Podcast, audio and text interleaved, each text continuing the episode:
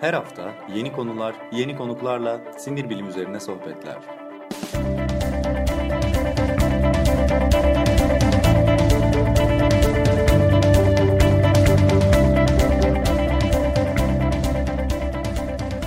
Neuroblog Podcast başlıyor.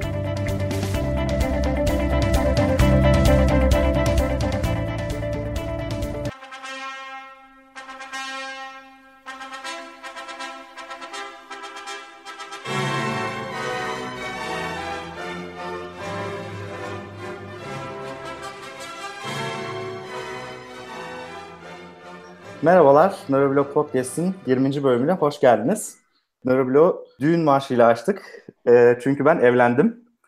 E, bugün de e, bölümü böyle benim e, nikah fotoğraflarımla e, devam ettirmeyi düşünüyoruz. Uygun görürseniz. Tebrikler abi. Teşekkürler. Tebrikler. Teşekkürler. Derken vazgeçtik. Dedik ki Çağrı'yı konuk ed- edelim bugün dedik. Çağrı bize biraz e, temel sinir bilimi anlatsın. Biraz da sinekleri anlatsın diye düşündük. Çağrı merhaba, hoş geldin. Merhaba. Şimdi e, bugün aslında uzun zamandır yapmak istediğimiz bir bölüm yapacağız. Temel sinir bilim üzerine konuşacağız. Temel sinir bilim nedir? Pek çok insan bu alanda çalışmak istiyor. E, nasıl temel sinir bilim alanına geçilir? Bunu aslında işin uzmanından duyacağız. Çağrı, Doktor Çağrı Yalgın, e, Borno Anadolu Lisesi ve Marmara Üniversitesi Tıp Fakültesi mezunu. E, daha sonra Finlandiya'da bir süre çalıştıktan sonra doktorasını Japonya'da tamamladı. Şu anda da kendisi Finlandiya'da çalışmalarına devam ediyor. Bir Finlandiya vatandaşı. Aynı zamanda da son dönemde bir kitap üzerine çalışıyor. E, Finlandiya üzerine. Onu da belki bize çok kısaca bir anlatır. Temel sinir bilimi üzerine çalışıyor. İstersen önce sözü sana vereyim Çağrı. Sen de bize biraz kendini anlat. Nedir ne değildir senin hikayen? Evet ben tıp fakültesinde okudum. Tıp fakültesinde sinir sistemine yönelik bir ilgi geliştirmiştim. Ee, zamanla e, e, klinik klinik bilimlerde de e, çalıştım. E, elektif stajlarımı klinikte yapmıştım. Daha sonra son aslında ilk başta bir Hollanda'da staja gittim ben. E, orada çok ilgimi çekti temel bilim araştırmaları. Alzheimer e, hastalığı ile ilgili bir araştırmaya katılmıştım. Daha doğrusu orada Alzheimer'dan ziyade Huntington. Evet, benimkini Huntington için kullandılar. Huntington hastalığına dair bir araştırmada görev aldım. O zamanlar sıçanlarla e, çalışıyordum. Daha sonra doktoraya atlayayım. Doktora e, da sinek üzerine çalışmaya başladım. E, biliyorsunuz hani bu meşhur sirke sinekleri var biyolojide. Çok uzun zamandır kullanılan. 1905'ten beri sanırım kullanılıyor. Yani 100 yılı aşkın zamandır kullanılıyor. Çok değişik genetik özellikleri olduğu için çok değişik e, sinirsel araştırmalarda, genetik araştırmalarda kullanılan bir model hayvan. E, o konuda da biraz daha etraflı konuşabiliriz. E, benim doktora tezim gelişimsel sinir bilim üzerineydi. E, yani e, sinir hücrelerinin, yani nöron denen sinir hücrelerinin iki tür uzantısı var. Bir akson var, bir de dendritleri var. E, ben dendritlerin gelişimini inceliyordum. E, aslında aksonların gelişimi çok e, uzun süre çalışılmıştı. O yüzden artık hani yavaş yavaş millet ya aksonları öğrendik, aksonlar hani daha önemli hep e, araştırmalarda. E, aksonları bulduk nasıl hani sinir sistemi içerisinde yolunu bulup hedefine ulaştığını uzantıların. E, sonunda dendrite dönmeye karar vermişlerdi. Hani ben sinir bilim araştırmalarına ilgi duymaya başladığımda e, ben de tabii dendritler çok farklı farklı. Bir nöronun bir tane aksonu var ama dendritler çok. Ve bunun yapısı çok değişiklik gösteriyor nörondan nörona. Bazı nöronların tek bir dendriti var. Bazı nöronların iki tane var. Bazı nöronların ise çok böyle yaygın, binlerce ucu olan dendritleri var. Benim araştırmalarım ise e, doktora sırasında yaptığım hangi e, me, hangi yöntemlerle bir nöron e, kendi dendritlerini basit tutar. Çünkü daha karmaşık tutarını bulmuşlardı. Bana kalan basit tutardı. Ama öyle görünüyor ki hani bir nöronun dendritleri e, hani çok karmaşık olmaya çalışmış da becerememiş ondan basit kalmış değil. O nöronun dendritlerinin basit kalması lazım ve dolayısıyla onun basit kalmasını sağlayacak mekanizmalar var. Biz işte onu bulduk. Anladım. Sentrozomin adlı bir çok pardon bir soru sormak istiyorum bu arada. Yani Hı. ortada milyarlarca insan var. 7 milyar insan ve gittikçe büyüyor durduramıyoruz. Yani bir sürü başka hayvanlar var, fareler var. İşte şunlar bunlar var. Neden sinek yani sinekleri özel yapan nedir? Niye biz sinekler üzerine çalışıyoruz ki? Çok fazla sebebi var. Çünkü bir kere e, sinekler küçük. Dolayısıyla laboratuvarda az yer kaplıyorlar. Az zamanda çok sayıda sinek üretebiliyorsun. Bunlar şimdi hani komik çok basit faktörlermiş gibi geliyor ama aslında bunlar çok önemli çünkü e, maliyet artırıyor. Mesela bugün hani fare araştırmaları deniyor. Fare araştırmalarının hani etik yönleri de tabii ki daha zor. Çünkü e, daha çok acı çekebilen, e, şuuru olan hayvanlar. E, sinekler ise e, çok daha az yer kaplıyor, çok daha çabuk araştırma. Yani bir insana ödediğin maaş e, süresince daha çok araştırma yapabiliyorsun. E, tabii ki yani o zaman hani bu araştırmalar çok kolay e, demek ki yan gelip yatıyorlar yatıyoruz olmuyor. Onun yerine ne oluyor? Daha derinlemesine araştırmalar yapılıyor ve fare ile e, diyelim ki e, veyahut işte e, primatlarla yani maymunlarla mesela e, yapamayacağın araştırmaları e, bunlarla yapmaya başlıyorsun. Bunun, bu sadece bir sebep. Bunun dışında etik sebepler var. Mesela e, çok daha etik açıdan kolay kullanımı olan bir hayvan. E, fare fareler için etik izin alman gerektiği zaman tabii ki e, o fare deneylerini pek boşuna yapmadığını kanıtlaman lazım. E, sinekte ise e, bu kadar etik endişe yok. E, yani acı çekme e, daha basit sinir sistemleri olduğu için e, daha e, işte acı acı e, çekmediklerini düşündüğümüz için böyle bir e, şey var. E, e, kolaylık var. E, Birçok araştırma önce sinekte yapılıyor, genetik araştırma. Daha sonra farede yapılıyor. Yani hani e, araştırma sinekte yapıldı, bitti diye bir şey yok. Mesela e, araştırmanın diyelim ki insan hastalığıyla bir bağlantısı kurulacaksa tabii ki sinek çok uzak. Hı hı. E, hem sinir sistemi açısından hem de genetik açısından. O zaman hani bir sonraki safha o zaman fare safhası olabiliyor. E, bunun dışında neler var? E, kendi eski notlarıma bakıyorum da. E, biz bütün genomunu biliyoruz mesela uzun zamandır. E, ve birçok genetik mutant hali hazırda var. Diyelim ki e, belli bir genin e, e, fonksiyonunu inceleyeceğiz. O e, genine genli bozuk olan sinekler var. Neredeyse her gen için var. Amerika'da da bir banka, sinek bankası var. Bloomington şehrinde. Oraya bir sipariş veriyorsun. Ee, bir e, işte bir hani gen bir tüp sinek 25 dolar falan. E, gayet ucuz bu. Çok ucuz. Yani e, farelere kıyasla. E, postaya koyuyorlar geliyor. Yani Finlandiya'da bazen donuyor sinekler yolda. O, e, o sorun olabiliyor. evet. Onun yani, dışında ben de şeyi merak ettim. Pardon abi. Şey sinir izole etmek de daha kolay mı acaba sinekte? Yani eğer sinir hücresi ile çalışacaksa yoksa daha mı zor bilmiyorum. Ben mesela fare e, davrotarsı çanlarıyla çalışmalara katıldım ama sinek konusunda hiçbir fikrim yok. Şimdi e, bir kere sinir sistemi biraz daha basit olduğu için avantaj olarak diyelim ki farede 100 tane aynı hemen hemen aynı görevde 100 tane hücre varsa o sinekte tek bir hücreyle karşılanıyor olabiliyor veya iki. Hmm. Dolayısıyla bir veya iki e, hücrenin işlevini etkileyerek, bozarak mesela o hücrelerin e, işlevini e, sınayabiliyoruz. Bakıyoruz mesela. Ama farede bunu yapmak için mesela yüzlerce hücreyi etkilemek lazım ki bu bir teknik problem oluyor. E, sinirleri bu şekilde izole edebiliyoruz. Bunun yanı sıra sinirleri teker teker e, işaretleyebiliyoruz. Mesela e, hücre zarında e, floresan protein e, koyuyoruz genetik yöntemlerle. Diyoruz yani hücre sadece ve sadece o hücre yeşile boyanıyor mikroskop altında. E, hı hı. Şimdi beyin böyle bir yuvarlak bir top gibi ama sadece tek bir hücreyi görebiliyorsun veya birkaç hücreyi görebiliyorsun. E, onun işlevini inceleyebiliyorsun, onun bağlantılarını inceleyebiliyorsun, anatomisini, fizyolojisini inceleyebiliyorsun. Hatta e, içine e, diyelim ki tüp sokup sokup onun içinden ölçüm yapanlar var elektrofizyolojik tek hücreden. Hı hı. Bu Bunları e, farede yapmak çok daha zor.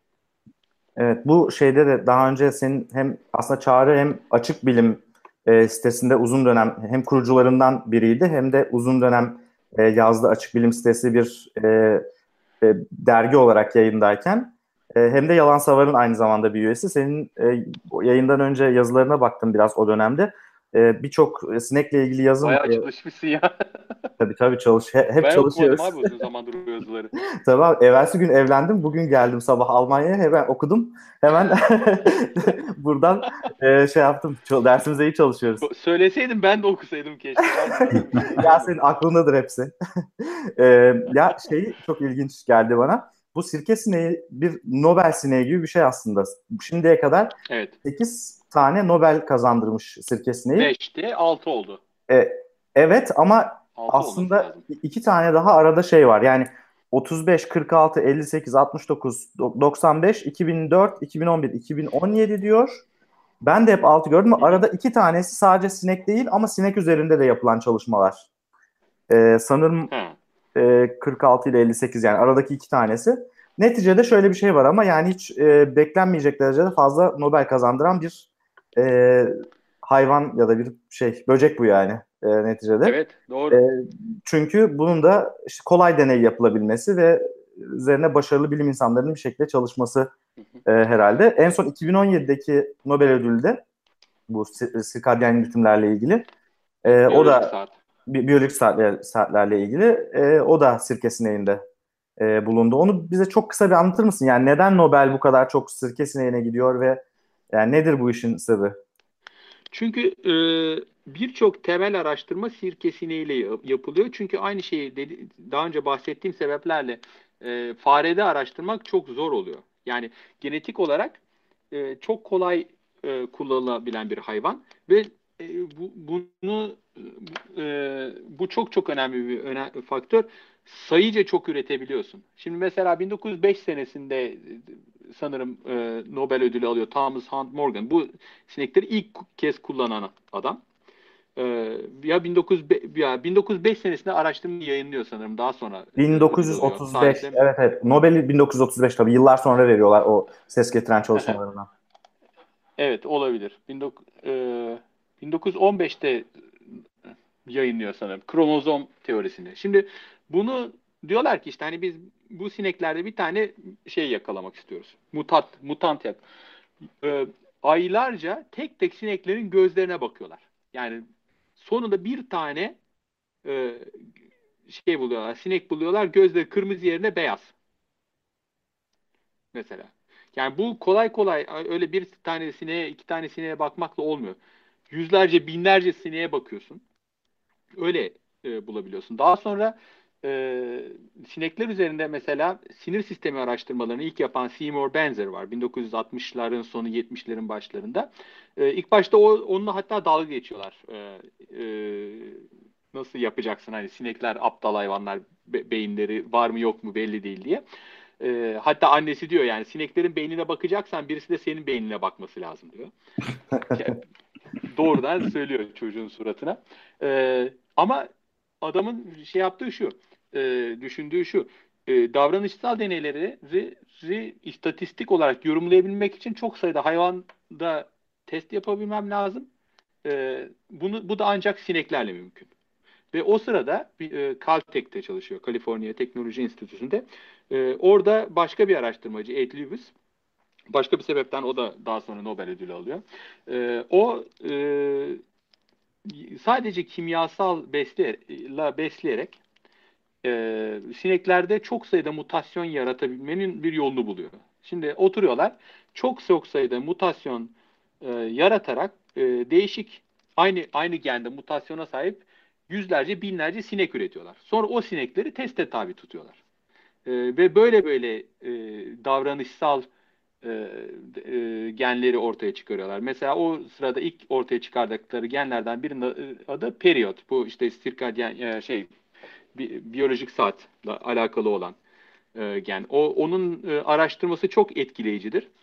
E, sineklerin kozalarından çünkü sineklerin bir başkalaşım süreci var. Önce kurtçuk olarak devam ediyorlar. Sonra kozaya dört buçuk gün e, kendilerini hapsediyorlar. Daha sonra o kozadan erişkin olarak bildiğin sinek olarak çıkıyorlar. Fark ediyorlar ki bu saat bunlar hep belirli saatlerde çıkıyor o kozadan. E, mutasyon e, değişik mutasyona sahip sinekler arasında henüz o mutasyonların ne olduğunu o sırada bilmiyorlar ama mutant olduklarını biliyorlar sineklerin. E, hangilerinin bu saatinin şaştığına bakıyorlar. Sonra o e, şaşan saati şaşan sineklerin daha da genetik olarak inceliyorlar. Üç tane sinek var ortaya çıkan böyle. Üçün, üçünün saati şaşmış. O üçünün de aynı gende mutasyonu ortaya çıkıyor. E, saati şaşmak ne demek bu arada? Yani diğer sineklerden farklı zamanda uyuyup uyanmaları mı? E, evet şimdi sinek tabii ki e, uyuyup uyanma bir yandan da tabii ki ışık görüyor değil mi? Işığa göre kendi saatini düzeltiyor. Bunları kara kutu içine koyuyorlar. Artık dışarıdan e, bir ışık almadığı için kendi saatini düzeltemiyor. Sadece ve sadece hücrelerin içindeki biyolojik saate dayanıyor. Ve kalkıp hani kozasından çıkma saatini artık dışarıdaki ışığa göre değil, sadece ve sadece hücrelerin içindeki saate göre belirlemeye başlıyor. İşte o saati diğer sineklerden farklı olan sinekleri buluyorlar. Normalde o saat 24 saate yakın. Ama bazı sineklerde bakıyorlar 18 saat, bazılarında 29 saat, e, bazılarında da tamamen ortadan kaybolmuş. Hiçbir ritim yok. E, işte o 3 sineğinde aslında aynı genin farklı mutantları olduğunu buluyorlar. Anladım. Yani bu şekilde periyot geni aslında. Yani. Ve o periyot geni ne de e, aynı gen farede tespit ediliyor. Aynı fonksiyona sahip ve insanda da biliniyor ki işte bu gende mutasyona sahip olan insanlar e, uyku problemleri çekiyor. Anladım. E, o periyot geni nasıl çalıştığını bulanlar da işte şey e, neydi Hall, Rosbash ve Young bu evet. çalışmalarıyla 2017'de Nobel ödülünü e, kazanıyorlar. Evet. Aslında. Benzer ölmeseydi o da kazanabilirdi muhtemelen. Yani o üç kişiden biri çünkü o, o geni ilk bulan Benzer'di. Sen senin eski şeylerinden bir tanesinde şey diyordun yani Benzer'ın Nobel kazanamaması Nobel için bir ayıp. Benzer için değil gibi bir şeyim vardı. Senin sinekçilerin çok evet. sevdiği, çok hayran olduğu bir insan galiba. Çok yani çok e, çok değişik araştırmalar yapmış bir insan bu arada. O da aslen fizikçi. İlk 1950'lerde transistör üzerine çalışıyor mesela. Daha sonra genetiğe geçiyor. Genetikte e, moleküler genetik yapıyor ilk başta ve ge- moleküler genetikte diyor ki işte hani o zamanlar bilmiyor genler bölünebilir mi? Atom gibi bir şey midir yoksa bunun ortasından ayrılabilir mi? Gö- genlerin bölünebildiğini buluyor. Sonra e, ben bundan da sıkıldım diyor. Davranışların genetiğini incelemeye başlıyor. O sırada sineklerle araştırma yapıyor. Daha sonra ondan da sıkılıyor. En sonunda nörodejeneratif hastalıklara bulaşıyor. Ee, onları da sonunda onlarla da, da ilgili birkaç gen buluyor. Sonra yani bütün bunlar ortasında vefat ediyor. 2007'deydi sanırım. Ve ben 2011'de hala onun laboratuvarından çıkmış araştırma yayınlandığını hatırlıyorum onun adına. Çağımızın son Leonardo da Vinci'lerindenmiş galiba. Yani her alanda fizikçi evet. olarak başlayıp davranış genetiği, işte moleküler genetik üzerinden çalışıp en son nörodejeneratif hastalıklara geçmiş. E, ya sen ekolog değilsin ama burada ilginç bir soru ilgimi çekti. Diyor ki e, yani sineklerin hepsi toptan yok olsa ne olur? Sonuçta kilit tür falan da değil. Hani rahatlamaz mıyız diye bir şey gelmiş, soru gelmiş. Bunun bir cevabı var mı? Sivrisinekler. Sivrisinekler yani. Evet, evet, sinekler, sinekler değil. Pardon sinekler değil. Sinekleri bilmiyorum da sivrisineklerin e, ta, tamamı ortadan kalksa pek de bir şey olmaz diye işitmiştim. Nereden işittiğimi hatırlamıyorum. Yani o kadar da kilit bir rolü yok. Ee, şimdi enteres sivrisinek konusunu iyi ki açtınız. Çünkü e, Amerika'da, New York'ta Leslie Boswell isimli bir araştırmacı var. E, uzun süredir e, sineklerle araştırma yapıyordu ve sineklerin mesela koku genleri ne araştırıyorlar. Şimdi bu sineklerin de bu koku mekaniz alma mekanizması sineklerde ve farelerde keşfedilmiş. Daha sonra da Nobel ödülü alanlar e, almıştır.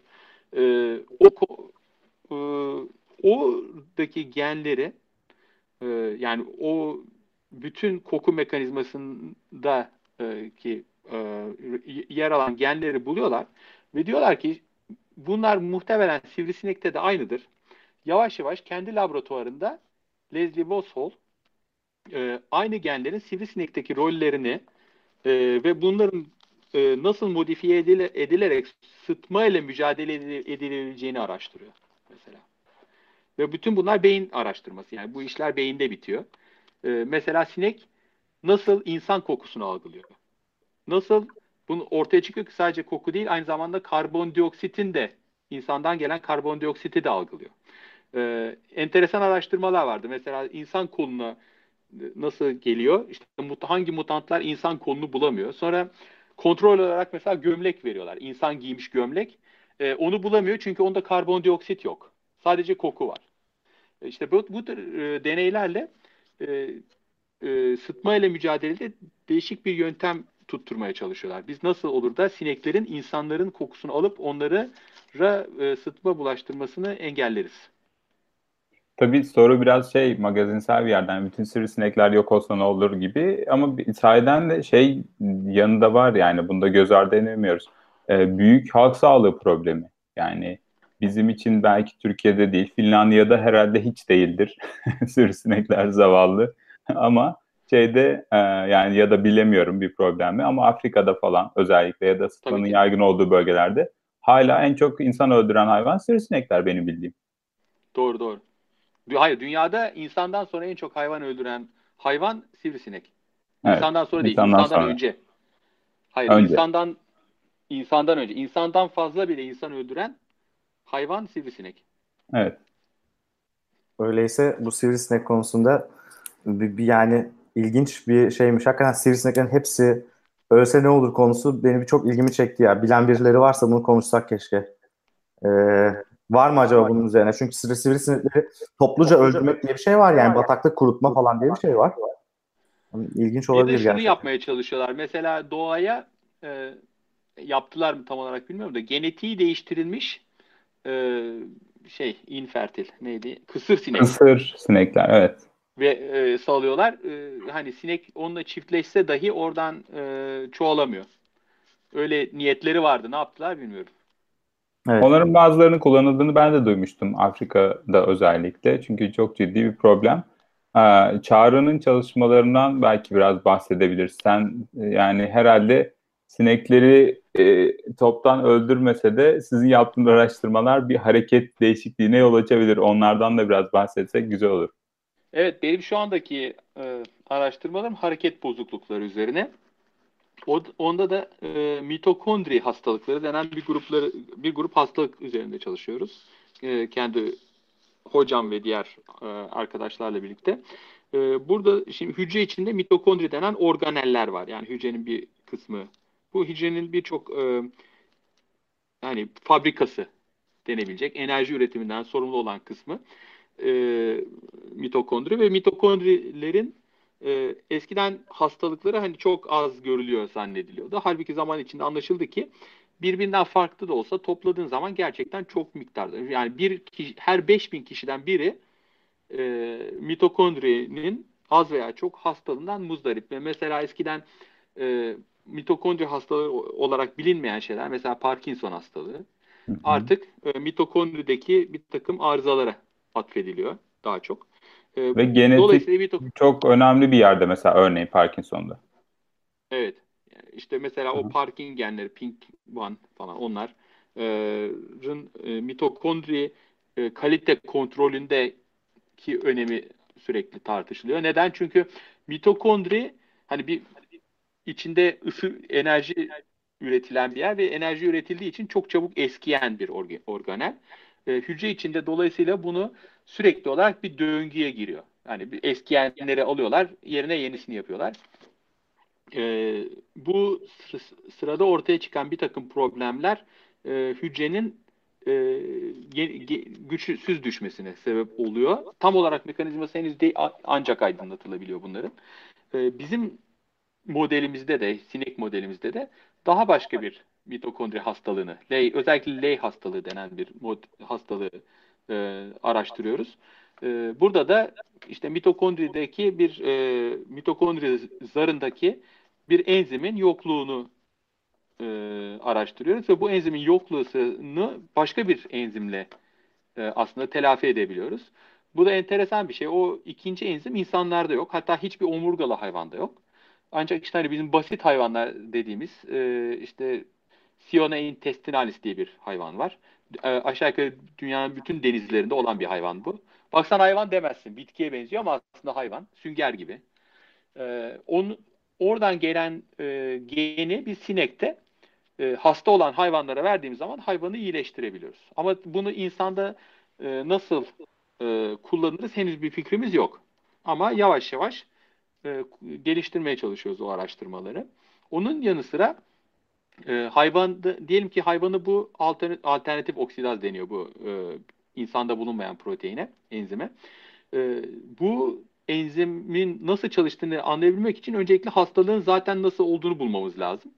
Bir yandan da ona e, odaklandık. Diyordum ya hani tek bir hücreye bakabiliyoruz hı hı. sinekte. Bunlar farede zor şeyler. E, e, mitokondri hastalığı olan sinekler, sineklerde bu tür araştırmalar yapıyoruz. Tek bir hücreye bakıyoruz, değişik hücrelere bakıyoruz. Bunlara, bunların e, şekilleri nasıl, bağlantıları nasıl, işlevleri yerinde mi? Bunlar ölüyor mu? E, bu tür, ve bunların birbirleriyle bağlantıları nasıl? Özellikle bunlara bakıyoruz. Bunların e, farede falan yapılması neredeyse imkansız. E, yani yapsam bile belki de hani asırlar alabilecek kadar e, zor. E, dolayısıyla sineği buna yönelik olarak kullanıyoruz. Bu dediğim gibi da, hani sinek araştırmaları e, fare araştırmalarına alternatif değil. Hepsinin e, araştırma sürecinde belirli yerleri var. E, sineklerden elde ettiğimiz hipotezleri e, farelerde dene, de, ileride deneyebiliriz. E, ve farelerde başarılı olursa belki insanlarda deneyebiliriz. E, bu şekilde bir takım e, hipotezleri burada oluşturup sonra tekrar sınamak için e, sinekleri kullanıyoruz. Peki. Ee, o zaman buradan sinir bilim şeyine doğru geçelim istersen. Bu e, aslında ikinci bölümü olacak podcast'in bir nevi, ikinci kısmı. Hı hı. E, çünkü şöyle bir durum var. Aslında sen bir e, tıp doktorusun. E, Marmara evet, Üniversitesi Fakültesinden mezun oldun. Öyleydi ya da hala öyle bilmiyorum artık. O teslim yok artık değilim diye teslim edilebilecek bir şey değil sonuçta diploma Yok ama. ya geçenlerde ben gittim ilk yardım kursuna. öyle mi? Katıldım. evet. E, ne çıktı ortaya? Her şeyi biliyor musun? Ya bir kısım şeyler değişmiş bile yani ben yok ya öyle miydi yok onlar değişti falan dediler. Yani bir takım e, algoritmalar e, eskisi gibi değil. Neyse iyi oldu. Bir e, pratik yapmış oldum. Güzel olmuştur. Ya Çağrı ile yayından önce konuşuyorduk. Ee, bizim 2011'den beri tanışıyormuşuz. En az 2011 çünkü e, o zaman şeyi hatırlıyor, hatırladık yani ikimiz de. 2011'de bir Skype görüşmesi yaptık biz Çağrı, Çağrı ile 7 sene önce bundan. Ben o zaman böyle tıp fakültesinden yeni mezun olmak üzere bir genç hekim adayıydım. E, kartlaştık artık. E, o zaman böyle ya abi ne yapayım hani ya ben aslında çok seviyorum hani bilim sinir bilim araştırmalarını falan ama bir yandan doktorluk da çok seviyorum. Nasıl yapalım falan filan diye böyle. E, ben doktorluk yolunu seçtim, kliniği seçtim. İşte Almanya'ya geldim, nöroloji vesaire. E, sense yani bayağı bıraktın her şeyi, doktor olmayı, uzmanlığı, işte hastaları vesaire. Gittin e, sineklerle Sinekler. uğraşmaya başladın. Abi bunu neden yaptın? yani bu akıl alır bir şey mi? Yoksa değil mi? Ya da bunu yapmak isteyenler nereden başlasın? Bu konuda çok soru geliyor çünkü nöroloğa. Doğru. Yani tabii ki e, özellikle Türkiye'de e, hani salt biyoloji, biyolog olarak kalmak çok zor olabiliyor. E, diyelim ki biyoloji okudun. Ondan sonra hani sana biyoloji uzmanlığı yani biyoloji okuduktan sonra ne yapılıyor onu da çok iyi bilmiyorum veya moleküler biyoloji ve genetik. Bana çok e-mail vasıtasıyla böyle sorular geliyor. Hani ben aslında e, benim gönlüm biyolojiden yana, araştırma yapmaktan yana ama işte e, ya kendim endişeleniyorum sonra ne olur veya ailem endişeleniyor diye çok cevap e-mail geliyor. Elimden geldiğince cevap veriyorum. Buradan da vereyim.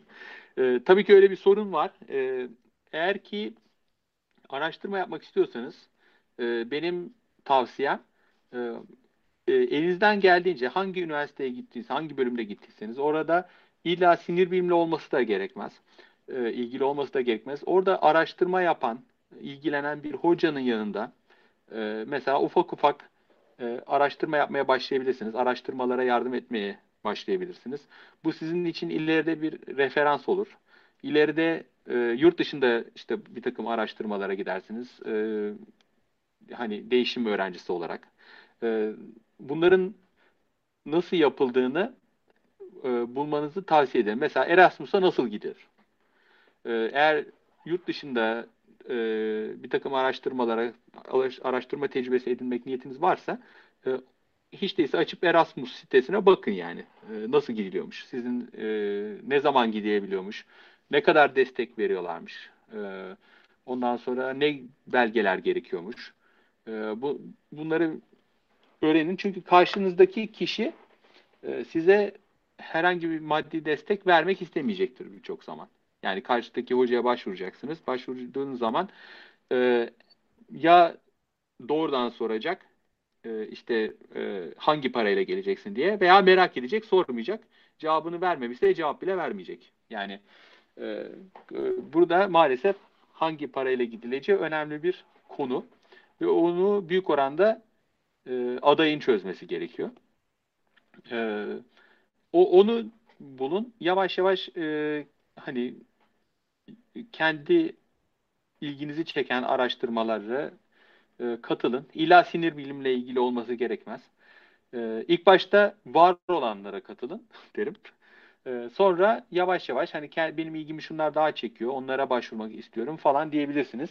E, postdoc hani olana kadar, yani doktoranızı bitirip sonra postdoktoral araştırmacı olana kadar e, araştırma sahanızı değiştirebilirsiniz. Diyebilirsiniz ki ben şu konuda araştırma yaptım ama bu benim ilgimi çekmiyor. Veyahut diyebilirsiniz ki e, ben şu şu şu sahanın araştırma sahasının yöntemlerini öğrendim. Ancak e, ben e, aynı yöntemleri şimdi başka sahada kullanmak istiyorum. Diyebilirsiniz ki şu saha bahkir. Yani mesela benim öğrenmiş olduğum yöntemler o sahada kullanılırsa şöyle şöyle şey, yeni bir takım buluşlar yapılabilir. Bunu buna özel olarak verilen burslar var. Mesela fizikçi e, biyolojiye geliyor veya biyolog fiziğe gidiyor. E, çünkü o değişik yöntemlerle orada gerçekten çok çok yeni bir takım araştırmalar yapılabilir. Bunla, bunları özellikle özendiren e, bir takım fonlar var. Zaman içinde onlardan da yararlanmak mümkün olabilir. Ama hep böyle fonlar para falan diye konuşuyorum. E, görüldüğü gibi bunlar çok önemli. Yani maalesef. Senin tavsiyen ilk aşamada mesela şimdi tıp fakültesinden ya da biyoloji ya da moleküler biyoloji, genetik e, artık neyse bu, bu buralardan mezun olacak ya da olan insanlara ilk tavsiyen ne olur? Yani insanlar böyle mail bombardımanına mı tutsunlar? Araştırmak istedikleri alanlarda çalışan hocaları, profesörleri, yurt içi, yurt dışı. Ya da e, mail bombardımanını tutmasınlar.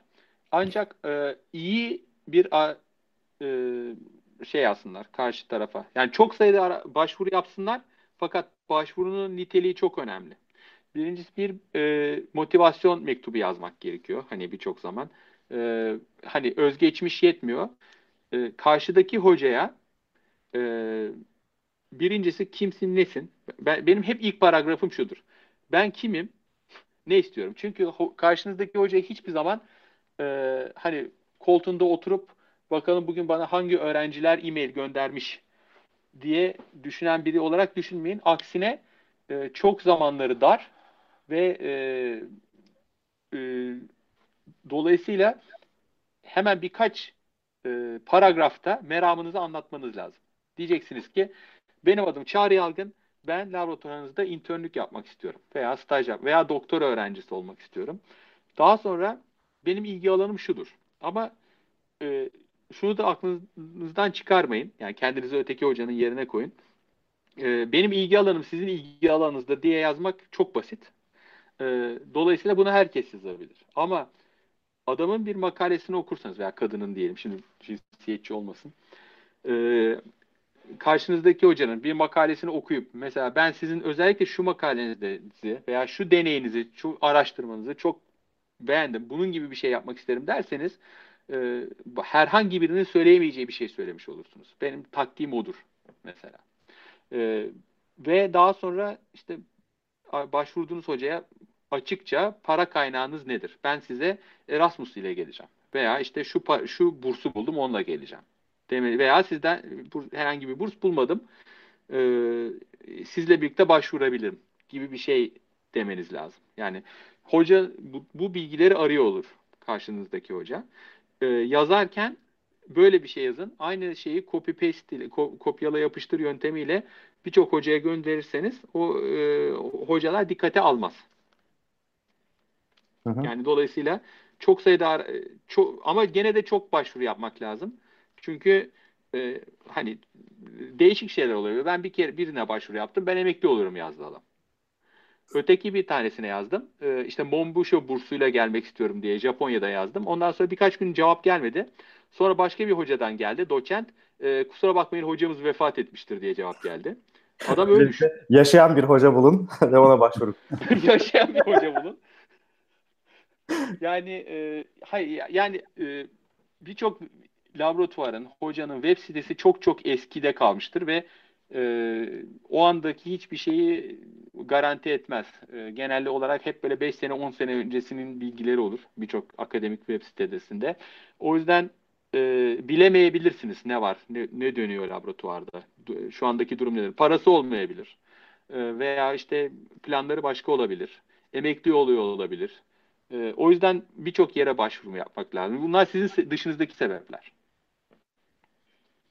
Şeyde e, akıl tutuşması da demiş ki ya ne güzel işte cevap atardım ben de hazır hocanız olmuş ben boşum geleyim devam edeyim o da bir alternatif olabilir gerçekten. Ya hem burada konuşup hem bu yorumlara bakmak çok zor bir şeymiş. Ben tamamını kaçırdım ya. Açtım bu şeyi ama Onur özetledi ya. O, Onur bakıyor bizim adımıza. Ben evet evet ben bakıyorum genel olarak e, şeye.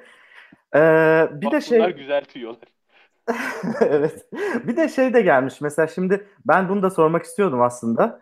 Ee, e, mesaj attığımız at, attığınız hoca 3 gün yaşıyor hocam diye yazmış kitap ekin.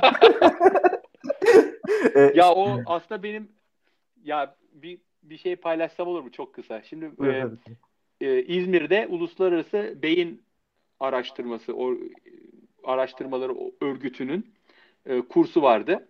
E, o kursta dediler ki işte e, ben de öğrenci olarak kaydoldum bu kursa ve hani Amerika'dan falan bir sürü hoca geliyor Türkiye'ye ve e, herhangi bir karşılık beklemeksizin işte sinir bilimleri, ar- araştırmalar falan anlatıyorlar. E, Ege Üniversitesi'nden e, Şakir Pöğün Hoca bunu organize etmişti. Sonra e, işte araştırmalarını sunmak isteyenler, daha önceki araştırmalarını sunmak isteyenler e, de sunabilir dediler. Ama son gün, son güne kadar da dediler araştırmalarınızı bu hocaların biriyle e, tartışacaksınız. Herkese bir hoca verdiler. Bana da verdikleri hoca Meksika, Meksi hem Meksika hem de Latin Amerika e, Bilimler Akademisi Başkanı. Oh. Hem Meksika hem Latin Amerika, bütün Latin Amerika Bilimler Akademisi Başkanıymış adam. Sinir bilimci.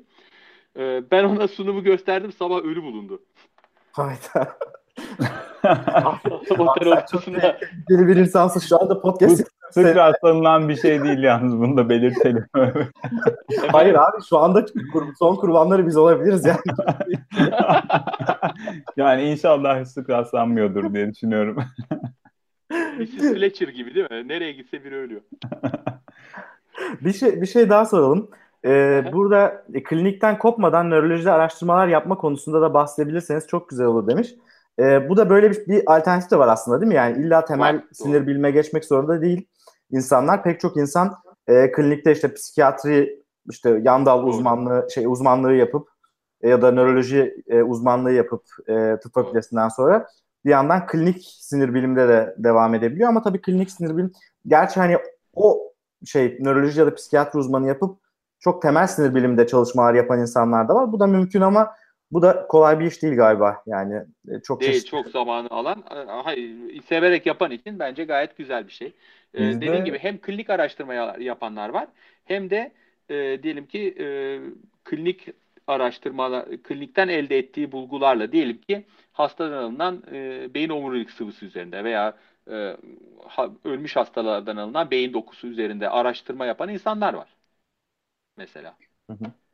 Yani Konuyu Türkiye'de... ölüme falan getiriyorum ya. Türkiye yayın, Y- yarın tweet atmazsak bizi bir kontrol edin arkadaşlar.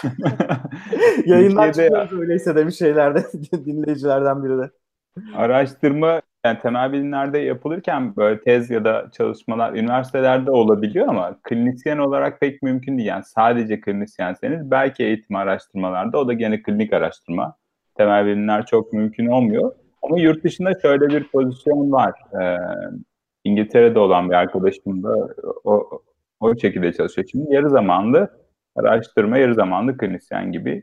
Bu, bu birçok Avrupa ülkesinde de var aslında. Hani şey de e, çalışma çizelgenizi de böyle biliyorsunuz böyle.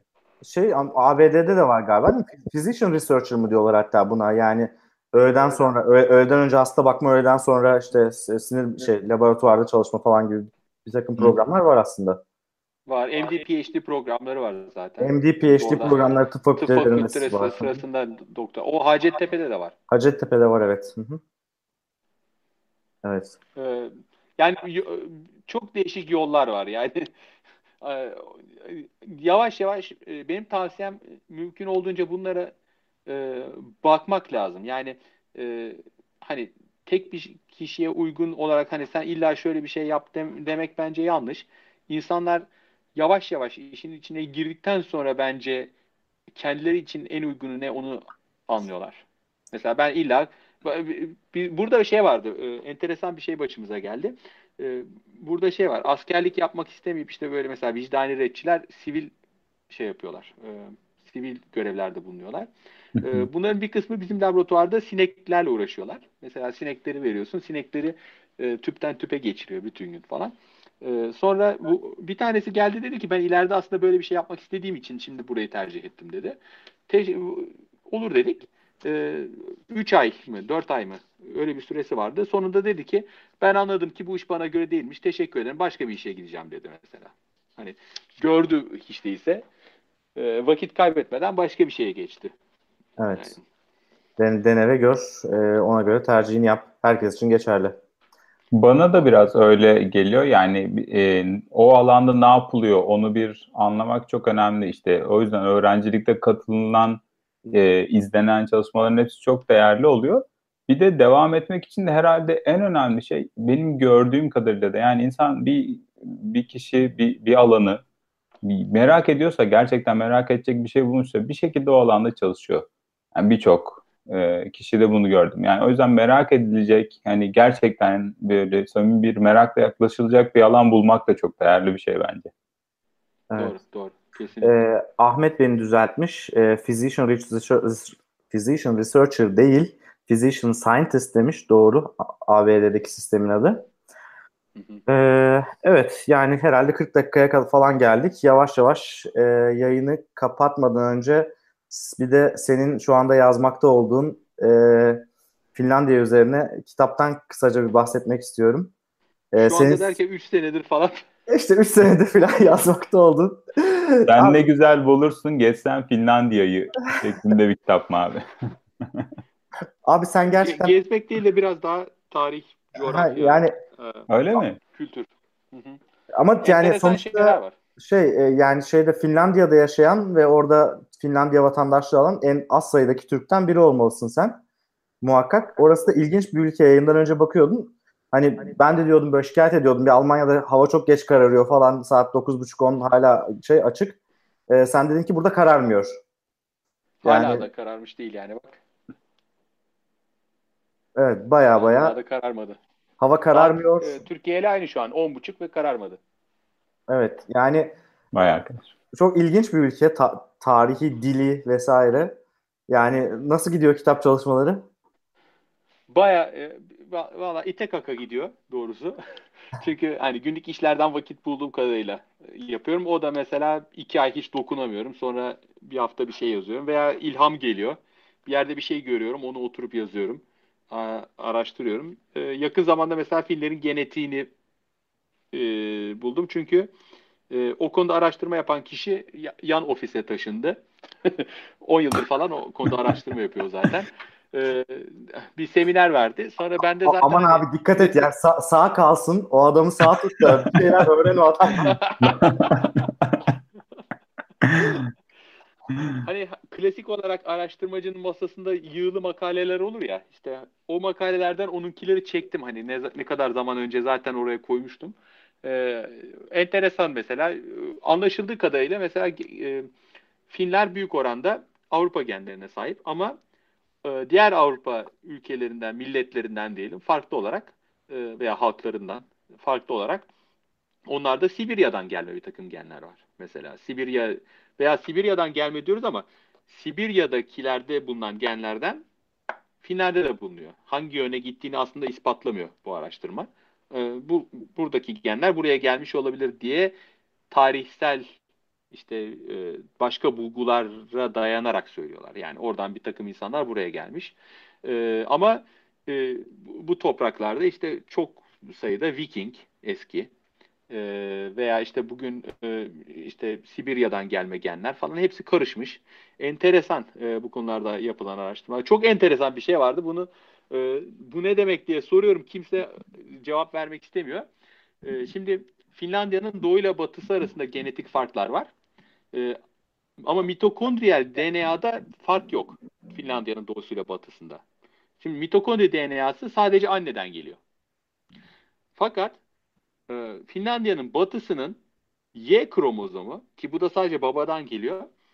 Y kromozomu ise İsveçlilerinkine biraz benziyor. Yani İsveç'ten bir takım adamlar gelmiş bir ara. Ee, buraya yani ne oldu o sırada falan tabii ki yani bu bin yıl öncesinin hadisesi tam olarak bilmek mümkün değil ama e, oradan bayağı e, hani e, eril bir geçiş olmuş bu tarafa. E, topla, toptan göçmemişler. Sadece adamlar gelmiş. Sadece adamlar gelmiş. İlginçmiş. böyle böyle e, araştırmalar yeni yeni yapılıyor. E, şimdi tabii ki biliyorsun e, antik DNA teknolojisi var. E, buradaki gömülerden e, çıkarılan kemikler üzerinde biraz e, şey yapılabiliyor. Araştırma. Yalnız Finlandiya'nın toprağı çok asidikmiş. Asidik olduğu için DNA e, pek dayanmıyor mu? Öyle bir şey var. E, dolayısıyla pek fazla e, materyal elde edemiyorlarmış o, o e, örneklerden. Ama elde ettikleri kadarıyla e, işte hani o Sibirya'dan gelen genler falan filan bunları ortaya çıkarıyorlar. Şimdi enteresan bulgular var. E, Finlandiya... Ama Türklerle alakası yok. Türklerle alakası yok. Akraba değiliz yani o anlamda galiba değil mi? Finlandiyalılarla eskiden düşündüğümüz yok, gibi. Yok o kadar değil. E, dil de herhalde biraz zorca bir dil. Dili farklı tabii. E, Avrupa, Hint Avrupa dil ailesinden değil. E, gerçi oradan geçen çok kelime var ama o dil ailesinden değil. E, Estonca en yakın akrabası. E, bunun bir, bir takım işte ismini bilmediğiniz akraba dilleri var. Bir yani Mari, Mari dili falan gibi. Sonra e, ondan sonra en yakın bildiğimiz akraba e, Macarca. Ama şey yok. Hmm. Türkçe hani bizim eski o Ural Altay dilleri ailesi falan gibi şeyler artık kabul görmeyen e, teoriler benim anladığım kadarıyla. Bu bir efsane yani öyle işte Türkler, Macarlar, Finler hepsinin soyu Orta Asya'ya dayanıyor gibi bir şey var benim kafamda ortaokuldan kalma işte şey milli e, şey ne denir tarih, tarih bir. efsanesi var. Bana burada bir Fin hoca şöyle bir şey anlattı. Yani bu gırgır tamamen de. Ee, işte bütün kavimler Orta Asya'dan bu tarafa batıya doğru göçüyorlarmış. Ee, bir yol ayrımına gelmişler. Orada bir ok var. İşte bu taraftan giderseniz e, sıcak hava, e, güzel iklim, e, taze sebzeler ve meyveler e, yazıyor. İşte okuma yazması bilenler oraya gitmiş diyor. Kalanlar da Finli olmuş. Kalanlar da Finlendi. ee, Türkiye'de bu arada bu arada çok e, şey Finlandiya ile ilgili bir tane ben de okumuştum onu. Beyaz Zambaklar Ülkesinde diye bir tane kitap var bayağı da okunur. Yani niye okundu, nasıl okundu o biraz şey gibi hani toplumsal dönüşümü anlatan bir kitap. Bu arada süreyi uzattık ama ben benim de aklıma gelmişken bunu eklemek istedim.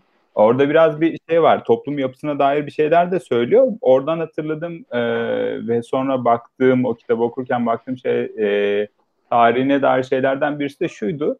Finlandiya gerçekten verimsiz topraklara sahip bir şey yetişmeyen hem de soğuk bir iklime sahip olduğu için e, böyle gerçekten arada kalmış bir bölge. İşte bir ara Ruslar işgal ediyor, sonra İskandinavlar işgal ediyor. Sonra diğerleri gelip ya biz orayı alacağız ama işgal etmeye takatimiz yok. Bir ara gelir alırız falan gibi böyle arada bırakılan bir bölge imiş. Yüzyıllar boyunca da böyle bir tarihi olduğundan bahsediliyor gerçekten. Ee, bir şey de var ama tam doğu hani e, belki Sibirya'ya doğru geçişin Rusya ile tam sınırda olan bir yer İskandinavya ile. Belki bu açıdan da bir genetik zenginlik taşıyordur diye düşündüm ben de. Evet evet.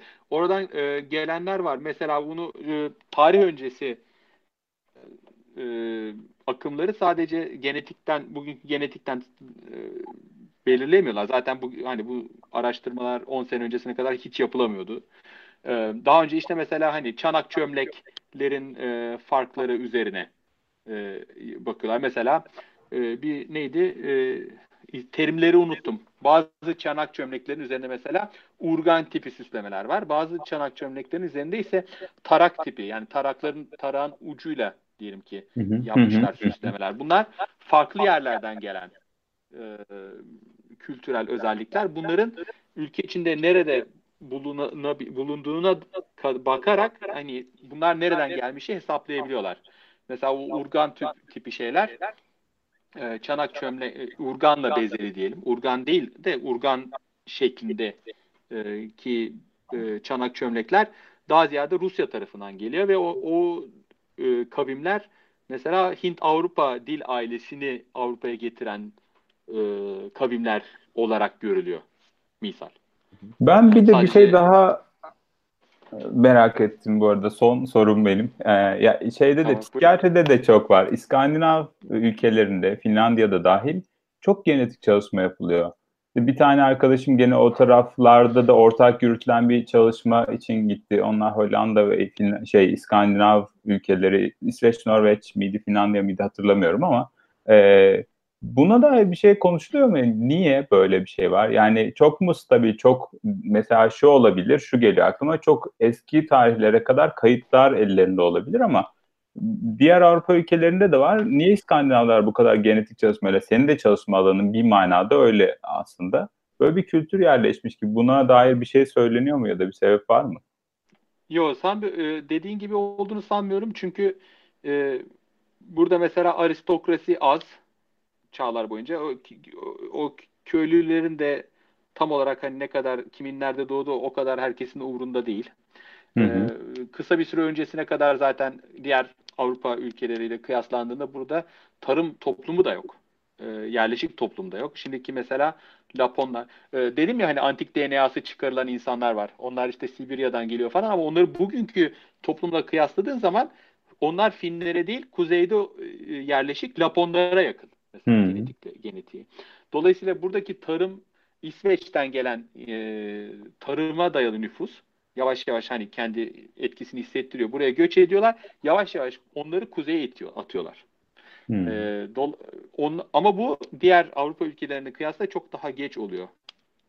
Yani e, onların bunu e, kayıtları falan o kadar da e, şey hani Hristiyanlık da geç geliyor. Kilise kayıtları tutulum, tutulumuna bakarsan e, evet. o kadar da olduğunu sanmıyorum. Hristiyanlık geliyor ama uzun süre pagan görüşlerine de devam ettiriyorlar. Ondan sonra da zaten değilim yani. heavy metal dinleyip kilise yakmaya başlıyorlar bir süre sonra. Hristiyanlık gelmeden önce hiç tadı çıkmıyordu diyerek. Hristiyanlık geldi keyfimiz. keyfimiz yerine geldi gibi. yani peki o zaman e, son birkaç ekleyeceğiniz bir şeyler varsa onları alalım. Çok uzattık ama Atatürk'ün tavsiye ettiği kitap diye biliniyor ama doğru değil yazmış kitap eki diye bir kullanıcı. Ben bunu araştırdım ve hakikat Atatürk'ün tavsiye ettiği kitap mı değil mi buna dair bir kayıt bulamadım. En, en azından oturduğum yerden bulamadım. Ee, ama e, hani dolaşıyor bu laf ama gerçekten doğru mu bilmiyorum. Hı hı. Tamamdır. Evet. Ee, Taner senin eklemek istediğin bir şeyler var mı? Teşekkür ederim. Yeterince konuştuk. Vallahi çok güzel bir muhabbet oldu. Düşündüğümüzün de e, ötesinde uzattık da biraz bu muhabbet güzel olunca. Ee, Sağ olun. Teşekkür ederim. Çok teşekkür ediyoruz Çağrı. Senin için tekrar konuk etmekten büyük mutluluk duyarız. Çok teşekkür ederim. Benim için çok keyifli oldu. Çok teşekkürler. Nöroblog'un 20. bölümünü kapatıyoruz. Nöroblog'u YouTube'dan, Facebook'tan, Twitter'dan, SoundCloud'dan her yerden takip edebilirsiniz. Aynı zamanda Açık Bilim Podcast kanalından da bizi takip edebilirsiniz. Herkese teşekkür ediyoruz. İyi haftalar. Her hafta yeni konular, yeni konuklarla sinir bilim üzerine sohbetler.